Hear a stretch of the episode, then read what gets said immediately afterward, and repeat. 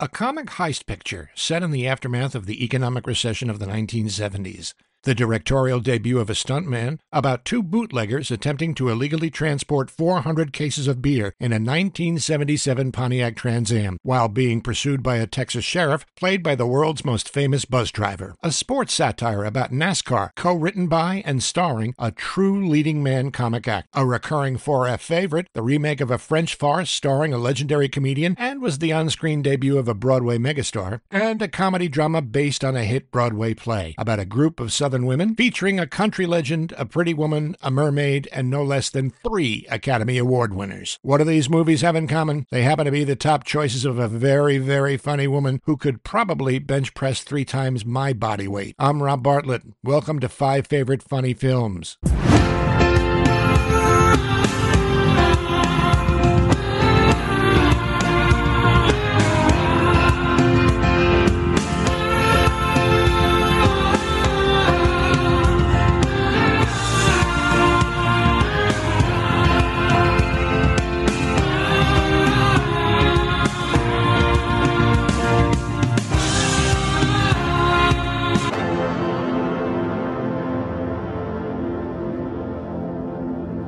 Welcome to Five Favorite Funny Films, or as we in the know like to call it, 4F. I'm your host, Rob Bartlett. This week, a very, very special guest, one of my favorite people on the planet, a hysterically funny woman. She's open for Paul Mooney and Andrew Dice Clay, just to give you an idea of the kind of comedian that she is. Safe to say, it's not for the faint of heart. Her new album is Brutally Yours. You can get it on iTunes. Could not recommend it more highly. She's the host of a great podcast called Old School, New School Comedy. She's a fiercely funny comedian who not only can bench press my weight, she can literally crack walnuts in her butt cheeks. Uh, she wanted me to say that this stupid bitch is funny. So this stupid bitch is funny. Give it up for Christy Miller. Thank you. Thanks for doing I'm, this. Oh, no problem. I had to put the walnuts down just to do this show. I was making peanut butter and uh, then you pop. It'll have to be walnut butter. You can't you can't change the nut with just no. the pressure of your butt. Oh, honey, I would never change the nuts. hey, what are the nuts called on a wall? Walnuts. What are nuts called on a chin? A blowjob. Nothing, sweetie. She's an incredibly attractive lady who favors Cher. Basically, if you have a fantasy of Cher cussing people out, that's me. That's Christy Miller in a nutshell. And the nutshell, by the way, cracked. Which, well, thank you. Thank you. See what I did there? I set it's you. It's a callback, people. That's called a callback. It's a callback, and that's why I'm such a great host because I give it to the guests. I don't try to get it myself. I learned that from Carson. Kit Carson? Nothing. Thank you. I'll be here all week. But you know, There's a name nobody drops anymore. I kid the old west the idea behind the podcast is just to talk to funny people who are dear friends of mine and find out what their five favorite funny movies are. Because I maintain that there are two ways to figure out what kind of a person you're dealing with. One, who their favorite Beatle is, and the second is what their favorite funny movies are. So let's get this out of the way. Who's your favorite Beatle? Uh, the Volkswagen. I just wrote that. Why are you sitting there in shock? I'm laughing. You have to like just take it. You I can't hear at, them. I always yell at the invisible people sitting next to me. I wasn't a Beatles fan. Thanks for thanks tuning that's in. our show. But I do love, in. of course, the usual John Lennon, yeah. and I love that uh, Yoko Ono destroyed them. I think it's hilarious. That shows how powerful vagina is in this world. Thank you. I'm here all week. And I also love Paul because he married a bitch with a wooden leg. That is greatest achievement of all time. You can't ride reverse cowgirl, sweetie. You'll fall off to the left. Nothing.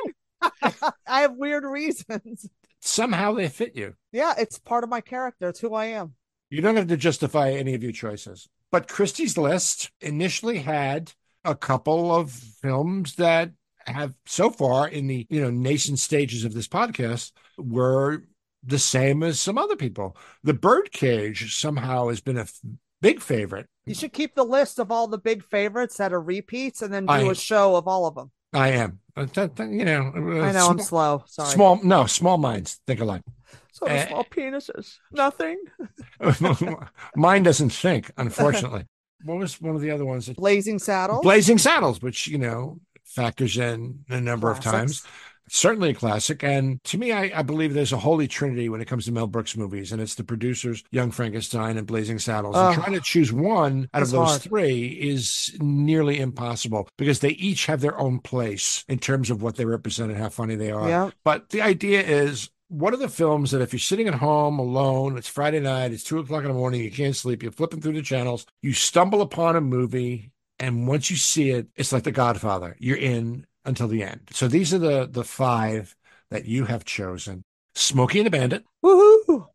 Steel Magnolias, Airplane, Talladega Nights, and How to Beat the High Cost of Living, which I have to say, I have not heard that from anyone before. So, what is it about that movie that you find is worthy of putting on your list? You know, it came out in 1980. I was 10 years old, and that was like the heyday of SNL. Jane Curtin was the queen of SNL at that point. So this was her movie with Susan St. James and a very young, beautiful Jessica Lange. So that's the trifecta right there of amazing, talented actresses. You know, this launched her movie career, but also after that was Kate and and with her and Susan St. James. They became a duo. It was set in 1980. The economy was bad, and Jane Curtin's character, her husband had left her for a younger woman and left her broke. And then Susan St. James was divorced. She was broke, and her new fiance had no money. They were all struggling. Jessica Lange was married to a veterinarian played by Richard Benjamin, another 80s iconic actor. Classic. Uh, oh, and the other movie I forgot, which led from Richard Benjamin, is Love at First Bite. George Hamilton, Susan St. James, and Richard Benjamin. I have a very special fondness for both Susan and George Hamilton because I've worked with both of them. And they're the kindest, most generous, giving actors. You're an actor and you find yourself on a stage or a set with either of those two, you're in excellent hands and Just- you're just going to fall in love because the two of them are so, so wonderful. Just great, great, great, great people and so underappreciated for what it is that they do. When I first did Chicago on Broadway, George Hamilton played Billy Flynn when I was Amos. Hilarious. And he knows who he is. He knows where he fits in the pantheon of show business. And he's completely comfortable with it. He told me one of the greatest stories, one of the greatest show business stories I think I'll ever, ever hear. You know, he dated Lucy Bird Johnson back in the 60s during the Vietnam War. And he's at uh, some premiere on the West Coast, and he's in a tuxedo. And these three guys in black suits and white shirts and skinny black ties and sunglasses come up and they say, Mr. Hamilton, you need to come with us. He said, Well, what? It's just a, we're Secret Service. President Johnson would like to speak with you. They whisk him into this car and they go to the airport and they put him on this plane and they fly to Texas and they land at this small, small airport in Texas. And there's a limo on the tarmac. In the limo, in his fucking pajamas and a robe, is LBJ with a shotgun. And he said, You know, you're dating my daughter, and I I'm gonna have to draft you because it's not gonna look good if you get a deferment. And George Hamilton said, Yeah, I I, I understand. He said, But we'll figure out something. Said, uh, okay, Mr. President. He said, All right, let's go hunting. And the limo drives into the woods, and LBJ and George Hamilton, out of the moonroof of the limo, hunt in the woods. LBJ's in his PJs. George Hamilton is in tuxedo with a shotgun, and they're hunting out of the moonroof. That's hilarious. And Susan St. James, when you watch How to Beat the High Cost of Living, you see how understated she is. She never tries too hard. Nope, she does just enough to keep the story going. Yeah. She's not the ego driven, I have to be the star of the show of this trio. She's like, I'm going to be the funny whatever whatever the scene needs, I'm going to handle it so we all look good. And every one of them played so well off each other. Jane Curtin was hilarious as a, you know, flirting with the men to try to get out of shit because she hilarious. And Susan St. James was the dingbat, and Jessica Yeah. Lange was like the Dorothy Zbornak of everybody. Like she had Yes. the crass lines, but she was like the level-headed one of the three. And the brilliance of it, 1980, not 2023, but 1980, three actresses playing the lead and being villains and carrying the movie because, you know, women can't carry a movie, they have to have a man. And Dabney Coleman and Richard Benjamin and the other guy that played Susan St. James, fiance turned husband. I forget his name now. I can't think. Fred Willard is Fred Willard is that's who it was. Yeah. And it was just like these great characters, but all these big names were all like supporting. And they didn't try to upstage they did like everybody was such a great cast and they played off each other and the comedy was so subtle. It's such a funny story and it doesn't get boring. The jokes don't get overtold. They don't bash anything into the ground. Like you know like some movies will find a funny line and that actor will just beat it like beat a dead horse. Yeah and it's like it gets old after a while. It's like one note. This movie is not one note. I recommend it. It's a feel good funny classic you're not going to pee your pants laughing, but you're going to leave feeling really good. Like it's so fun. And they just toss off the stuff. That to me is when they throw stuff away. Yeah. That really shows when you're in good hands with a comic yep. actor. And Jane Curtin striptease to distract them from robbing the money ball. I died. I died. She's just like this smarmy mom with the blouse with the little you know, frilly like tie bow tie with a suit and a skirt, and she strips down naked to distract them so the ladies could get to the money ball and suck the money out. It's just so good. Where the hell have you two been? I've been looking for you for hours. Hi, Elaine. Hi, Elaine. Hi, Elaine. Is that all you can say? Hi, Elaine? Look at me. How much money did we get? Two bags, but they floated away. You see the canoe overturned. And I can't swim. I mean, it was Louisa the money. So where's the money? $21. And that's not all. They don't even know they were robbed. I mean, it's bad enough we didn't get the money. We don't even get the glory. And all of a sudden, Jessica Lange sees the bag of money floating and she tries to go after it. She's like, You can't swim. And then she starts just so Jane Curtin, naked with a curtain wrapped around her, jumps in to save her. And Susan St. James swims and gets the money. And then they they cash out. It's such a product of the time that it was shot too, because the, the country was in a huge recession. Yes. At that time, and so that why it kind of resonated. Meanwhile, setting a movie in Oregon, who does that? you know. Well, you know, 1980. It was a recession. It was probably really cheap to film it there. They probably got everything for nothing. Steel Magnolias. Oh. Now that was a very, very popular Broadway show. Play. Yes um, and you know, you talk about a cast, anything that's got Shirley MacLaine in it, you know you're in for a good time. And yeah. she plays such a great character in oh, that movie. Ouiser. It's Sally Field, Julia yep. Roberts, yep, Shirley MacLaine, Olympia Dukakis, Queen, D- Daryl Hannah, and Dolly Parton and Dylan McDermott. You can't get a better cast than that you know, when Olympia Dukakis is playing a small part in the movie, that gives you an idea of the level of talent that's in it. What is it about that movie that resonated with you? I think it was the chemistry mm-hmm. between all of those ladies. To me, you know, the main thing was about Sally Field and Julia Roberts and their relationship and all these sub characters around them. Well, Sally Field plays Julia Roberts' mother. Right? Yes, yes. It's set in a beauty parlor, which happens to be in the house. The Dolly woman Parton. owns it was Dolly Parton, mm-hmm. and it's this kind of like a coffee clutch, basically, of women who are lifelong friends. They know each other forever. It reminds me a lot of like when comics get together because it's that that shorthand that when you know people and you've been yes. together for such a long time and you're friends, the way you relate to each other is so specific. And yeah. like you said before, the chemistry between them, you really believe that they all knew each other for like years. I, I don't know a lot about the, the history of the film, but I would bet you whoever directed it had them gathered together a number of times before they shot. Could you order- imagine the table reads?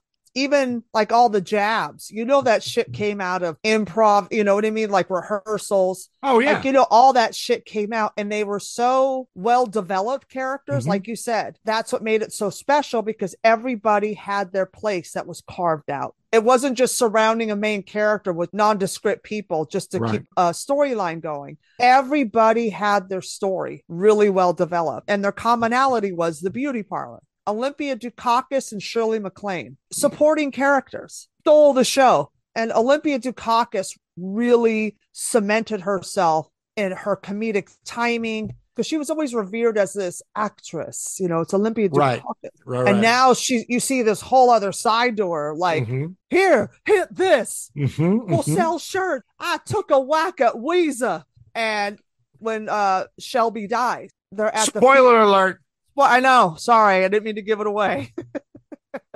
but when Shelby dies and Sally Field has that powerful moment at the Oh. cemetery, and you're bawling your eyes out, and then here comes Olympia Dukakis. That's my role. What, what what is her line? It's if you don't have anything nice to say, come sit by me. Is that her? Uh-huh, yeah.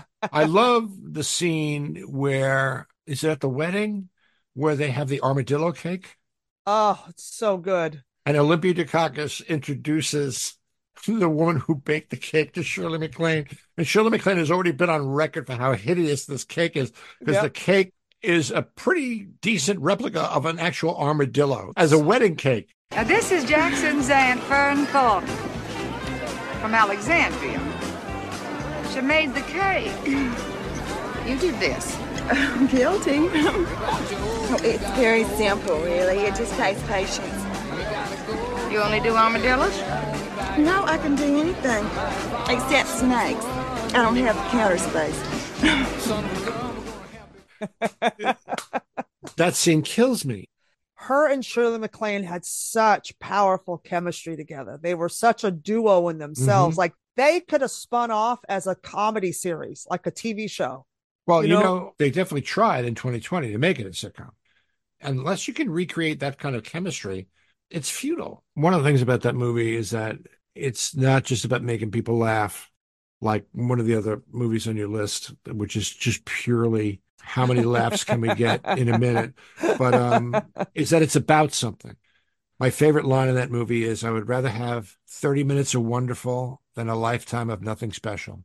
Yeah. And it's just such a great message Powerful. and Yeah. it just it just it's like the little extra what they call new orleans a little lagniappe it's that little something extra from the kitchen that they send it was about family. absolutely And it was about the, the good and the bad. Like Yeah. they didn't just sugarcoat it or just focus on all the negative, but it was about making the best of what they could with the situation they were dealt. You know, Shelby was had diabetes. She ended up dying after, you know, she couldn't have the kid, but she wanted the kid anyway because Right. that was her dream. right And she died because of it. It's just all how it's a small knit community where we all look out for each other. Because that's kind of how the comedy community is hmm if you think about it. Like when something happens to one of us, we rally. the comic community it, it's similar to a really tight sports team Yeah. like a team where it's above and beyond the individual it's like welcome to wrexham Mhm. you see the guys on that team and it's not about the, even though there are some huge stars it's about the team Mhm. and everything is about the team and about the community Yeah. you know they're all they all have the same common goal and that's i think the thing that we all kind of search out in our lives we, we search out to find a tribe where we belong where Yeah. you can feel like you have your back covered you know and you also we look for people that have experienced the same struggles. oh of course of and course. that's where the real bonding comes from is from struggle. And then when good things happen, you can appreciate that person coming up or they appreciate you coming up or whatever, but mhm. we all share that same struggle. We're all after that same carrot, but we understand the struggle. People that aren't in our industry, they appreciate what we do, but they don't understand the behind the scenes, like what Right. happens when we're not on stage at the clubs. They don't see what happens when we're not doing jokes. we all kind of connect on that principle of what it is to live that kind of a life where you're on the wrong side. You're always on the wrong side. You're Yeah. working when people are normally not working. sleeping. Yeah. You're the only one facing the wrong way in the room. Yeah. Th- That's where the bond comes from. Is that Yeah, odd knowing man what it- out.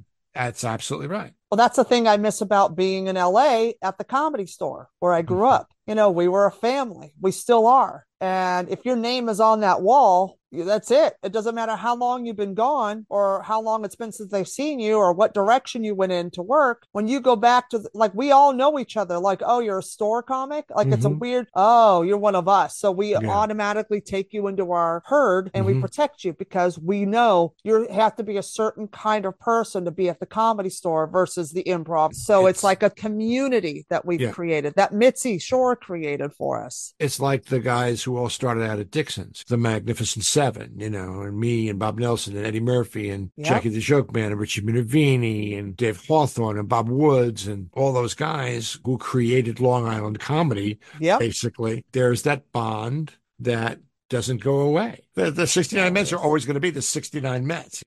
What we're dealing with here is a complete lack of respect for the law. This is an interesting choice that you What's- made. Uh huh. Smokey and the Bandit. Oh, come on. How is that not interesting? You know, this it's such a great like the history of Smokey and the Bandit and how it came about. Guy that wrote it was roommates on a movie with Burt Reynolds. Shows him the script because at the time beer was illegal in certain states. So this was a real thing. So he wrote this movie about the abolition of beer and smuggling it across the state line to Texas. And then Burt Reynolds reads the script in his trailer and goes, Love the idea. The script sucks, but I'm going to pitch it anyway. So he got it to where it was getting made. And he said, Trust us. Him and Jackie Gleason, especially Jackie Gleason, improved 90% of that script. They just followed the outline and they improv that entire movie because the script was so bad. The dialogue was terrible, but they just went off of it as an outline. Like, this is what we have to do. This is point A to point B in this scene. So get us there. And the shit, Jackie Gleason and Burt Reynolds and Sally Field, they just let them go. Well, in 1977, he was the box office king. Yep. He could do whatever the hell Whatever he wanted. Box office gold. Jackie Gleason. Oh my God. And it's so funny because it's such a different part for Jackie Gleason. People don't know how really truly gifted an actor Jackie Gleason was Oh. because everyone just assumes that he's Ralph Kramden, Yeah. which he was and brilliantly so. Iconic.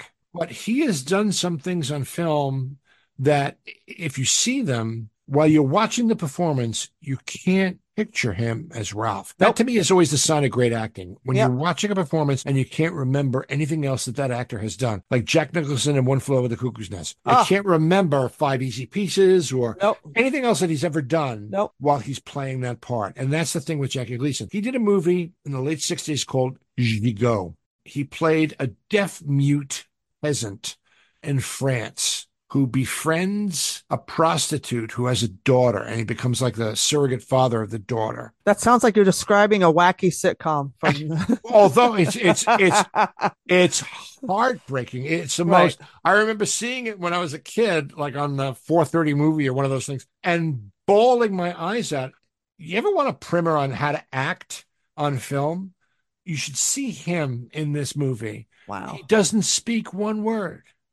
He's completely deaf mute the entire film. And you know, Jackie Gleason and Kramden, it's all about the the attitude and the and yeah, the, and the being and loud and right, yelling. right. and- And he he doesn't say a word. And at one point, something horrible happens, and he screams, but there's no sound. Oh my God! It's just, it's Oh, absolutely devastating. And Smokey and the Bandit, it's so not Ralph Kramden. no, it's Buford know? T. Justice, Right. Texas. Yeah, I mean, it's just, and he plays that part to a T. it's, It's, that the- trust they had in each other.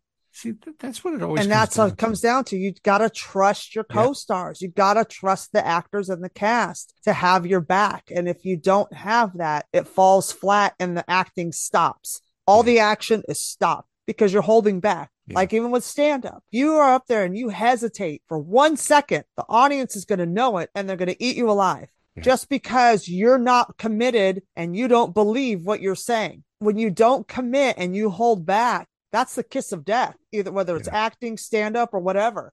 And when you literally let go here up in the head, you shut that off and you go right into your gut and let it guide you. Jackie Gleason and Burt Reynolds nailed that. Even throwaway scenes like the one where Buford T. Justice is in the diner and he's at the counter ordering a, a Diablo sandwich and a Dr. Pepper Yes. or whatever it is. Burt Reynolds recognizes has been chasing him.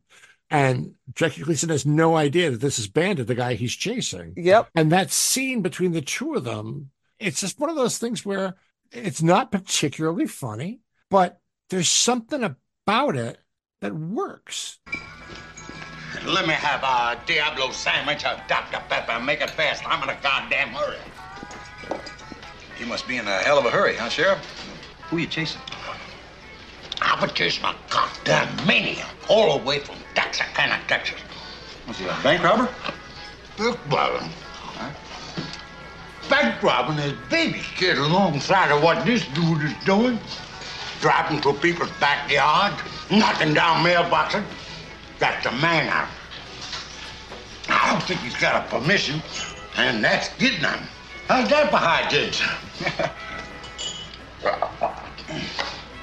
two actors at the height of their powers, really trusting each other and working together to create something which resonates on film. And to me, that scene was such a poignant scene in the movie because that scene to me summed up the entire movie. It- like you're really not paying attention to the shit you're chasing. What we're dealing with here is a complete lack of respect to the law. and then, and then with the son, uh, with the son, there's Oh, no way Junior. you can come from my loins. He's like in his 30s. I got my young son in the car and I don't want to hear that kind of language. Meanwhile, now hear this, you tick turd. I'm going to barbecue your ass in molasses. In molasses. It's just so good. So if you haven't watched it, people watch it. If you haven't seen it a long time, watch it again because you'll really appreciate how well done that movie is. It's a real old fashioned comedy movie. And there's something to be said for those kinds of movies. All right, we move on to Talladega Nights. Ah, the legend of Ricky Bobby. Yes. And I'm not a big Will Ferrell fan. Really? I appreciate him, but to me, he's very one note. But I love the thing I love about him is his fearlessness to not look stupid Mm-hmm. and to really go for the gag and not give up. Like he, you want to talk, if you want to see what commitment to a character is Oh yeah. to the gag, Will Yeah. Ferrell is that guy. Am I a big Will Ferrell fan? Not really, because if you think about, I, I loved Elf, and I love Step Brothers, and I love Talladega Nights. But for me, it's the same gag. It's the same character Yeah. in every movie. It's the Yeah. same shit. He's always taking off his clothes at one point, running naked somewhere. But the Mhm. thing with Talladega Nights is that it's the one role that Will Ferrell did that I forgot he was Will Ferrell because John C. Reilly, Gary Cole, Jane Lynch, and the girl that plays his wife, the blonde, and the last but not least, Sacha Baron Cohen right. are so well developed and they each had a if one of those characters was not in the movie the movie wouldn't have been as special as it was unbelievable how well cast it was and how funny the jokes never got old which is really rare for me for a will ferrell film and i love will but i'm not it gets old quick for me it's the same gag Yeah. It, it holds up to repeated viewings, which yeah very few comedies do. Obviously, because you know the jokes if you're watching it for a second or third time. and and it's dated you know like you know certain things bit. are very dated the show friends i loved friends but it's very dated sex in the city i love sex in the city but it's very dated the scene at the dinner table with the Grace oh is that to was me improv sure it was improv, but to me, it is one of the single funniest five minutes. Or I don't know how long the scene is. Dear Lord, baby Jesus, or as our brothers to the south call you, Jesus, we thank you so much for this bountiful harvest of Domino's, KFC, and the always delicious Taco Bell. Dear tiny infant Jesus, we- Hey, um, you know, sweetie, Jesus did grow up. You don't always have to call him baby. I like to picture Jesus in a tuxedo T-shirt because it says like, "I want to be formal, but I'm here to party too." everybody was so perfect The two kids, walker and texas ranger Boys, how was school today? I threw a bunch of Grandpa Chip's war medals off the bridge. That sounds like a good day. Texas Ranger, how about you? Well, the teacher asked me what was the capital of North Carolina. Mm-hmm. I said Washington, D.C. Bingo. Nice. She said, no, you're wrong. I said, you got a lumpy butt. She got mad at me and yelled at me, and I pissed in my pants. And I never did change my pee pants all day. I'm still sitting in my dirty pee pants. I wet my bed until I was 19. There's no shame in that. I get emotional. I can't hold my tongue. These kids are my grandchildren, and you are raising them wrong. They are terrible boys. Shut up, Chip, or I'll go ape shit on your ass. I'm gonna scissor kick you in the back of the head. Yeah. Yeah. Turn up the heat. Go on and get some, boys. Come on. I'm 10 years old, but I'll beat your ass. Chip, I'm gonna come at you like a spider monkey. Like a spider monkey. Go on. What is wrong with you? Chip, I'm all jacked up on Mountain Dew. Uh, so- and so- Jane Lynch was the mom. Ah, she's always Brilliant. solid too. On the Christopher Guest movies, when you see her, Oh. she's. I don't think she wasn't in every Christopher Guest movie, but I think she was in Best in Show. Best in Show she was in. That's when I first saw her, and uh, which is she was- another great comedy that should have been on the list. It's hard to choose which one. I have to Like go. Waiting for Guffman. I have to know. go with Waiting for Guffman. 'cause Yeah, Waiting for that Guffman is hilarious. that's another one I could watch it every Over. single day Yeah. of my life because Fred Willard and Catherine O'Hara. I mean, there's nobody more perfect than Catherine O'Hara. Yeah. I always thought that she would have been great in a Mel Brooks movie. She would be one of those actors who could really do Mel Brooks proud. Because part of the thing Oh, with Mel Brooks fully. is in the wrong hands with the wrong actors, Mel Brooks stuff can be really, really painfully lame. Yep. But when you have people like Gene Wilder Oh, and Madeline Kahn Oh, and Queen. Marty Feldman and Harvey Korman doing the lines. They really embody that timing where a lot of people hold back or they're afraid to look silly because they don't want to look silly. But yeah, those four you just named, amazing. Talladega Nights, I own the DVD. And when it's on, I have to stop and watch it all the time. And I still die laughing. And your final choice is one of the more brilliantly done films in terms of comedy that's ever been done. There's a book about it that's out now that has the history of how it came to be. Surely You Can't Be Serious, the true story of Airplane. It's by the Zucker brothers and it gives you all the backstory because it came from Kentucky Fried Theater, which was Kentucky Fried Movie, Fried obviously. movie. I love Kentucky Fried oh, Movie. that's another one. That Another whole- classic. you know, the, the parody of Enter the Dragon in Kentucky Fried Movie is one of the single most well done parodies ever. I went to see that with Eddie Murphy at the Massapequa Theater, and we stayed to watch it a second time. That's how good it was. Hilarious. Because Eddie knew every line of Enter the Dragon by heart. Oh, and my to God. sit next to him watching the a fistful of yen, they called it, parody of Enter the Dragon in that movie. It was one of the, my favorite memories of all time because he was apoplectic laughing. It was almost like an homage. It's always a much better parody when you have affection for what you're parodying. You just nailed it. An homage. Mhm. Like Airplane was an homage to Airport 75 and Airport Oh, yeah. 77. Those movies were scary to us. Like the one where in Airport 77 when they're landing in San Francisco and it's an earthquake and the Mhm. runway splitting open and they all gonna die. Like, and then Airplane comes out celebrating the craziness. Airplane is almost a frame by frame recreation of a, I think it was a 50s pot boiler called Zero Hour. And they literally screened that movie, they watched that movie and used that story and almost that exact screenplay and parodied it almost line by line in order to do it. It's the whole thing about people who get sick on the plane and the pilot gets sick. There's an actual line in Zero Hour. We Oh, need to no. find somebody who can fly this plane who didn't have the fish. I'm dead. It's literally a line from that movie. Oh And my God. I've never heard of Zero Hour. Now I got to watch it.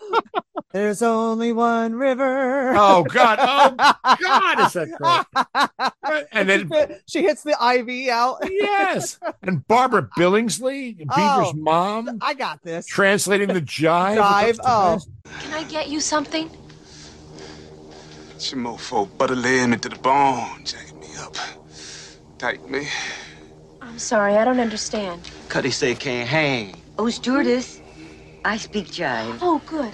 He said that he's in great pain and he wants to know if you can help him.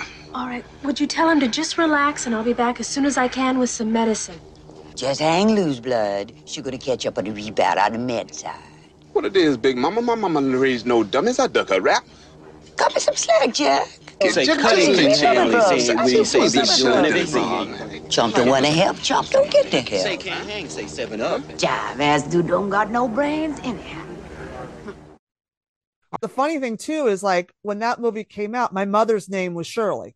Ah, So everybody, Shirley, you can't be serious. Uh-huh. And, uh, we did that to her. Yes, I am serious. And don't call me Shirley. You know, like it was, she would go nuts because everybody would say that to her. Shirley, you can't be serious. You know, it's just like I picked the wrong week to stop sniffing glue. oh God, just oh great. I think that's a line in zero. I picked the wrong week to quit smoking. Hilarious. Yeah. I got to watch it now. Forbes did a list, the top 10 funniest movies as measured in laughs per minute. And the top five were Borat at number Yes, five with yes. 1.7 laughs per minute. Uh huh. Superbad, 1.9 laughs per minute. Yep. Naked Gun, 2.3 laughs per minute by the same guys who did Airplane, by the way. Yep. The Hangover, 2.4 laughs per minute, which I never quite got, except I think Ken Jeong is one of the funniest people on the planet. You started out with him. At the time, he was still a doctor, full time at Kaiser, and he was doing song parodies with a guitar. But we do shows together at like Miyagi's and these all shithole rooms, and but we used to have a ball. He's such a doll. He's one of the few that I'm truly happy for. The rest of them go to hell. Good night.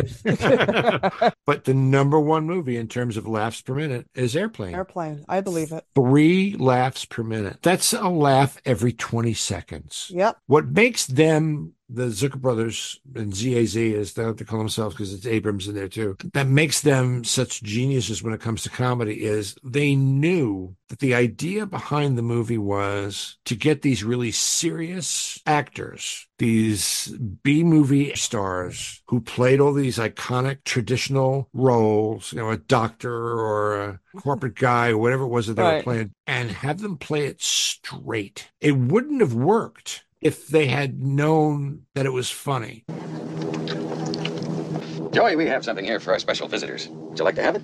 Thank you. Thanks a lot. Sure. You ever been in a cockpit before? No, sir, I've never been up in a plane before. You ever seen a grown man naked? Do you want me to check the weather, Clarence? No, why don't you take care of it? Joey, you ever hang around the gymnasium? You like movies about gladiators? It's funny. That film is what, like 45 years old? 1980. 1980. Okay, so it is literally 43 years old. It is 10 years younger than me. And you can watch it. Over and over. And Yeah. 43 years later, people still quote it. Of Like course. it just came out. That's Of course. a classic. All right, so gun to the head. You're in a plane that's crashing. You happen to have all your favorite comedy movies with you in your suitcase. You have a parachute. You can escape the plane, but you can only take one of the movies with you. Which one do you take? Oh my God. Oh, this is hard. The tie is Smokey and the Bandit and Steel Magnolias. Okay, you have to pick one. Smokey and the Bandit, because that was the first Oh. one that came to my mind. Okay, I see. That tells us everything about you. Yeah, garbage.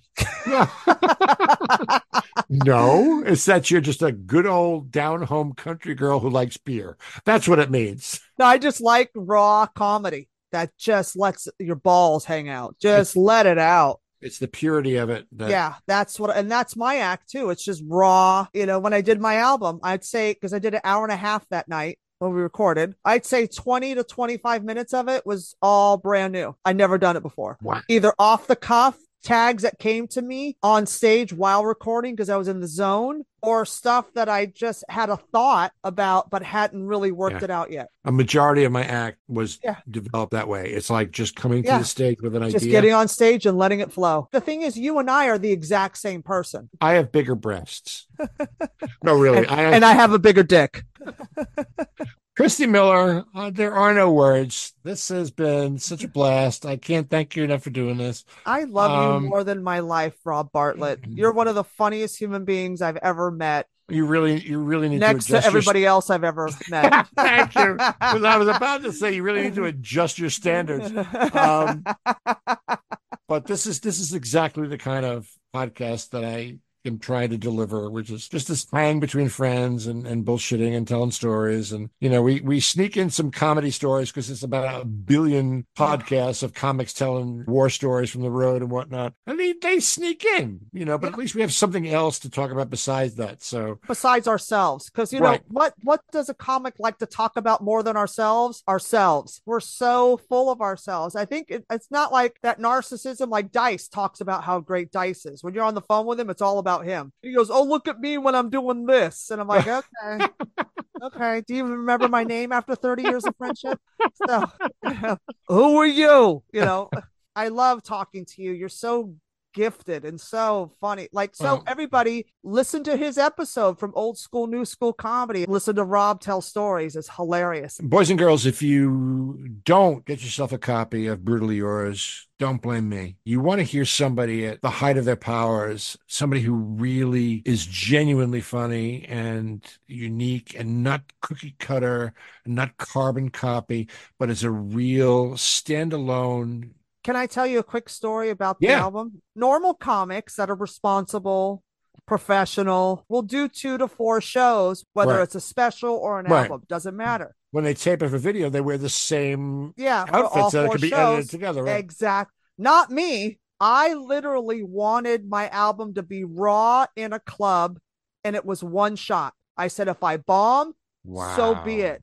If I kill, we caught the magic. Because with me, no two shows are alike. There's nothing pre-written crowd-wise. Whatever's happening in the room, I incorporate it into the set to make it Mhm. a personalized show. Thank you so much for doing this. Don't ever call me again. Good night. Five Favorite Funny Films is a Babyhead production, written, produced, and edited by me, Rob Bartlett. The 4F theme song composed by Gary Grant. Mr. Bartlett's wardrobe provided by Botany 500.